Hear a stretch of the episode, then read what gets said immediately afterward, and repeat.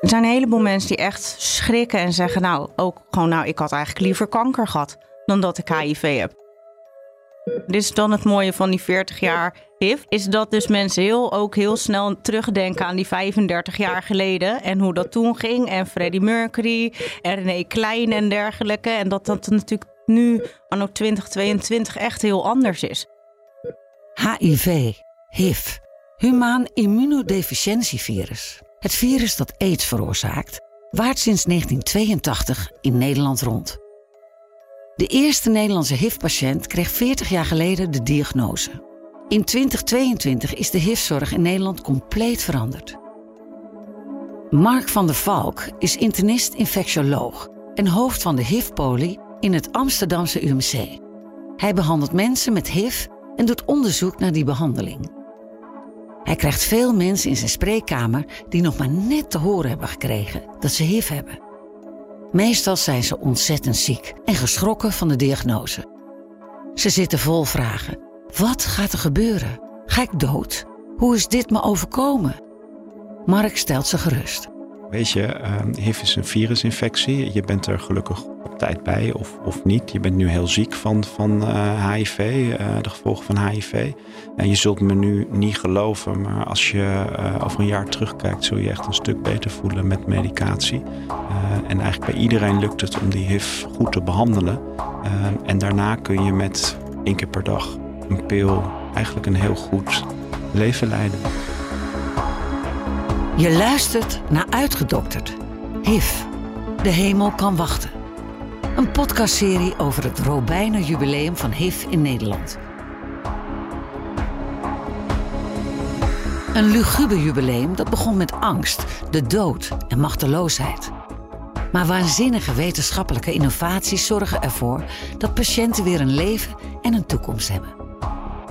Ik ben Angela Groothuizen. En ik ben Loisa Lamers. En in deze podcastserie nemen wij je mee door de tijd. We zien HIV veranderen van een dodelijke ziekte tot een chronische aandoening waar je heel oud mee kan worden. Dit is aflevering 1, een luguber jubileum.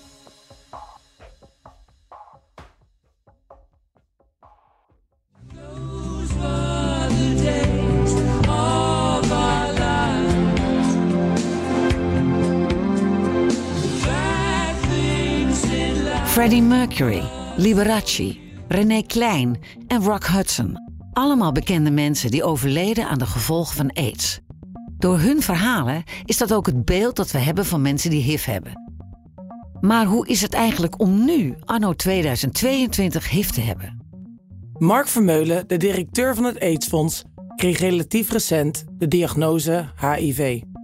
In 2007 uh, ging ik naar de GGD. Ik was toen 27, vrijgezel in Amsterdam, homo. Ik was altijd wel heel erg bezig met HIV. Ben ook opgegroeid in de tijd, jaren 90, beelden van het Jeugdjournaal, René Klein, uh, met geen HIV oplopen. Uh, en liet me ook keurig twee keer per jaar testen bij de GGD, zo waren we opgeleid. Er is een ziekte die zich verspreidt via seks. Dus als u niet altijd seks hebt met dezelfde partner, loopt u een risico. Het is een ongeneeslijke ziekte. De naam is AIDS. En mocht toen al vrij snel terugkomen, terwijl je normaal altijd heel lang moest wachten op je uitslag. En toen vertelde ze, nou, we hebben slecht nieuws. En toen dacht ik, nou, nou ik zou een SOA hebben opgelopen. En zei ze, nee, ik heb echt heel slecht nieuws. Je bent HIV-positief. Toen stopte voor mij mijn wereld wel. Jeetje, hoe kan dit? Hoe gaan mensen daarop reageren? Hoe vertel ik dit aan mijn ouders? Uh, toen ik uit de kast kwam, zeiden mijn ouders, nou dat, dat wisten we wel toen ik 18 was. Dat je misschien jongens leuker vond dan meisjes. Uh, maar ze zeiden ook gelijk erachteraan, doe het, doe voorzichtig. Dat was voor mij een enorme schok. Uh, en tegelijkertijd in die maanden daarna verteld, fijne mensen om me heen, realiseerde ik me ook dat het voor mij geen doodzondes meer was. Dat ik goed kon leven met HIV, goed kon oud worden met HIV. Maar ik realiseerde me ook heel erg dat dat uh, dankzij een generatie voor mij was. Dus die, het activisme uit de jaren tachtig, de mensen die geknokt hebben voor die medicijnen, uh, dat inspireerde mij ontzettend. Uh, en tegelijkertijd realiseerde ik me ook dat ook in 2007, of misschien juist in 2007, er op heel veel plekken in de wereld mensen met HIV leefden, net als ik, die geen toegang hadden tot medicatie. Um, en daar wilde ik wat mee. Dus toen ben ik een aantal jaar geleden ja, misschien wel letterlijk aangebeld bij AIDS-fonds en gezegd: ik, ik wil hier wat mee. En ben toen daar begonnen en daar werk ik nu nog steeds. Mark van der Valk, de internist van het Amsterdam UMC, weet precies hoe vaak HIV in Nederland voorkomt en bij welke groepen. Er zijn eh, naar schatting 24.000 mensen met HIV in, uh, Nederland, waarvan uh, 22.500 mensen op dit moment in zorg zijn in een van de 24 HIV-behandelcentra. En als je kijkt naar de samenstelling van wie zijn die mensen nou, dan zijn dat 63% mannen die seks hebben met mannen, uh, 28% andere mannen en vrouwen. En van 8% weten we niet hoe mensen aan HIV zijn gekomen. Mannen die seks hebben met mannen. Ook weer zo'n term die we veel horen. Maar waarom zeggen artsen niet gewoon homo's? Niet alle mannen die seks hebben met mannen identificeren zich als homoseksueel. Het maakt voor de wetenschappers ook niet uit wat seksuele geaardheid is van mensen. Als het gaat om wie er een verhoogd risico loopt op HIV, dan kijken ze naar wat mensen doen, naar hun seksuele handelingen. Sommige groepen lopen een extra groot risico op een HIV-infectie. Denk bijvoorbeeld aan transpersonen. In recent onderzoek van de Universiteit Maastricht blijkt dat wereldwijd 1 op de 5 transgender vrouwen HIV-positief is. Mensen worden vaker op vroegere leeftijd verstoten uit hun gezin of dorp. Ze leven vaker noodgedwongen op straat, belanden vaker in het sekswerk en gebruiken vaker drugs. Dakloosheid, drugsgebruik, sekswerk en sowieso sociaal en economische achterstellingen zijn allemaal factoren die het risico op een HIV-infectie verhogen. Hetzelfde geldt voor vluchtelingen. Ook zij hebben een kwetsbare positie in de maatschappij. 2.500 mensen met HIV in Nederland zijn bijvoorbeeld niet geboren in Nederland. In Rusland en Oekraïne groeit het aantal HIV-infecties het sterkst. Behandeling was daar al matig, maar door de oorlog zijn medicijnen nog schaarser geworden. En er komen natuurlijk vluchtelingen uit die landen naar Nederland. Aan het begin van deze aflevering hoorde je Natasja van Holten. Ze is HIV-verpleegkundige en voorzitter van de Vereniging voor HIV-consulenten. In de westerse wereld denken we heel vaak met HIV homo-mannen. Maar je ziet toch stiekem dat hetero-mannen en vrouwen wel terrein winnen in Nederland. En met de nieuwe diagnose zien we met name het meest dat homo-mannen, mannen die seks hebben met mannen, binnenkomen. Anderzijds hebben we natuurlijk nu PrEP, dus hè, preventief dat je kan beschermen om HIV op te lopen. Dus dat remt inderdaad het aantal nieuwe diagnoses. Maar we zien ook wel het aanwas van nieuwe mensen met HIV die wel al behandeld worden in het buitenland. En dat zijn niet altijd mannen die seks hebben met mannen. Dat zijn steeds vaker hetero vrouwen, hetero mannen. En die van over de grens komen. Dus dan zie je inderdaad dat je in Nederland, dat onze populatie ook gaat veranderen, zeg maar. Bijvoorbeeld Oost-Europa komt heeft het meeste voor onheteroseksuelen. Dus niet over mannen, bij mannen die seks hebben met mannen, maar juist heteroseksuelen. Intraveneuze drugsgebruik draagt daar een beetje aan bij, omdat daar niet spuitomruil is die wij vroeger wel en nog steeds hebben in Nederland. En dan wordt het vervolgens via seks overgedragen. Maar dat is precies hetzelfde als dat ook dat in Sub-Sahara-Afrika voorkomt. Of Azië, Filipijnen, Cariben. Dat zijn echt meer heteroseksuelen die leven met HIV dan de mannen die seks hebben met mannen. En wat wereldwijd dat mensen ook niet zien, is als je de cijfers van de WHO erop naslaat. Wereldwijd de meeste mensen die leven met HIV zijn vrouwen. Dus zijn niet eens mannen. We zien uh, de afgelopen jaren dat het aantal nieuwe HIV-diagnoses uh, sterk daalt.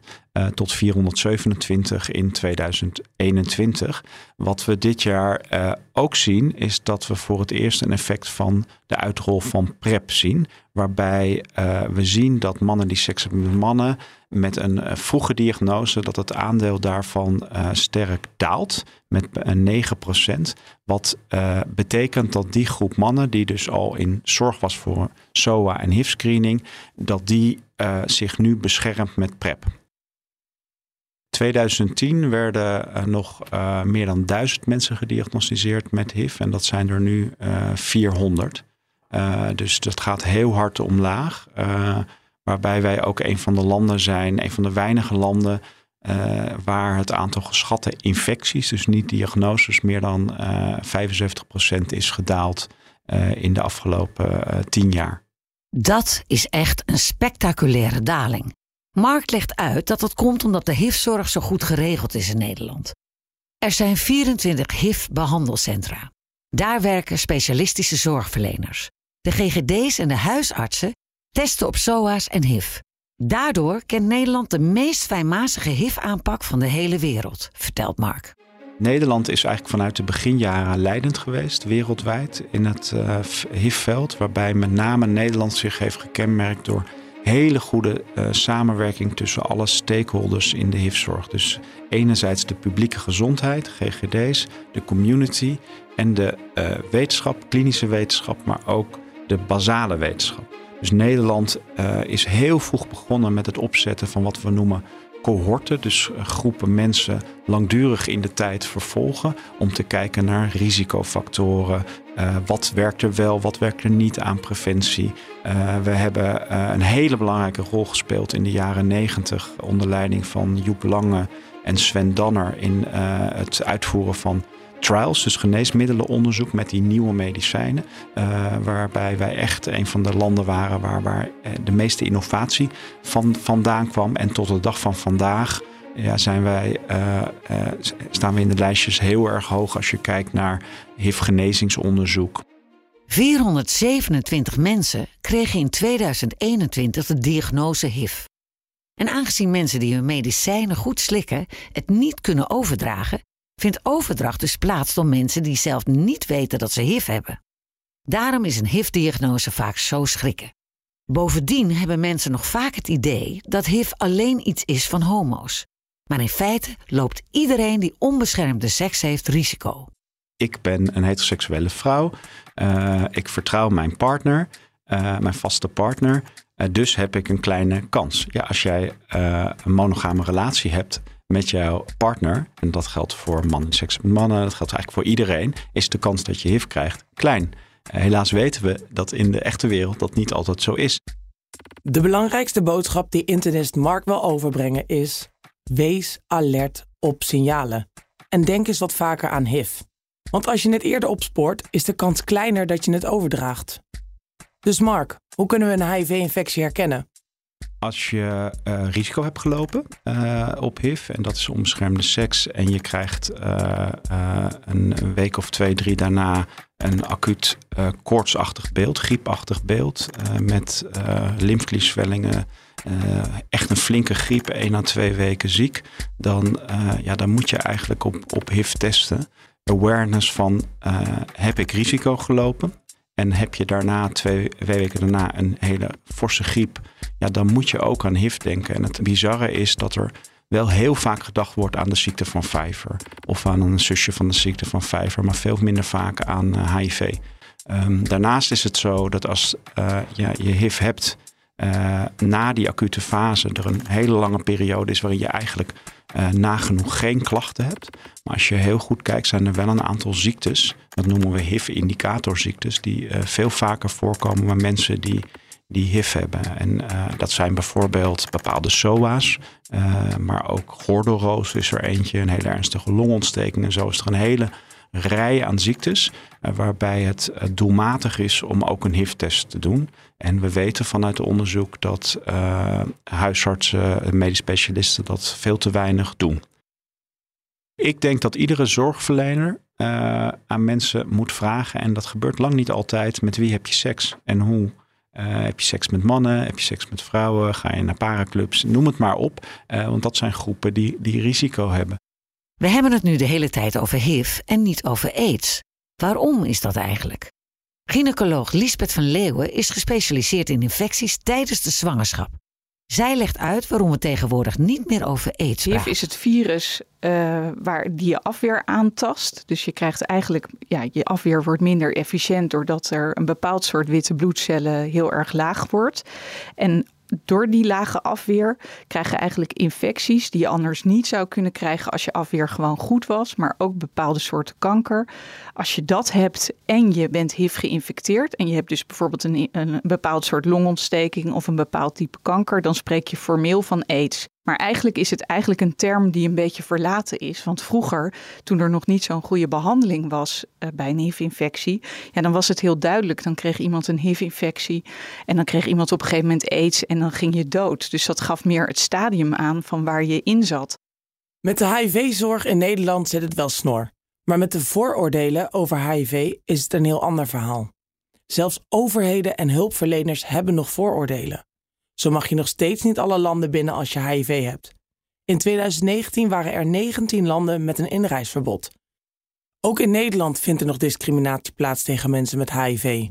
We weten allemaal, ook uit onderzoeken vanuit de sociale hoek, dat aan HIV kleeft gewoon enorm stigma. Gewoon vanuit de maatschappij. Op welke manieren vind je dat? Hè? Dus bijvoorbeeld als je kijkt naar media, dat HIV heel erg vaak gelinkt wordt aan mensen uit Afrika of aan homomannen.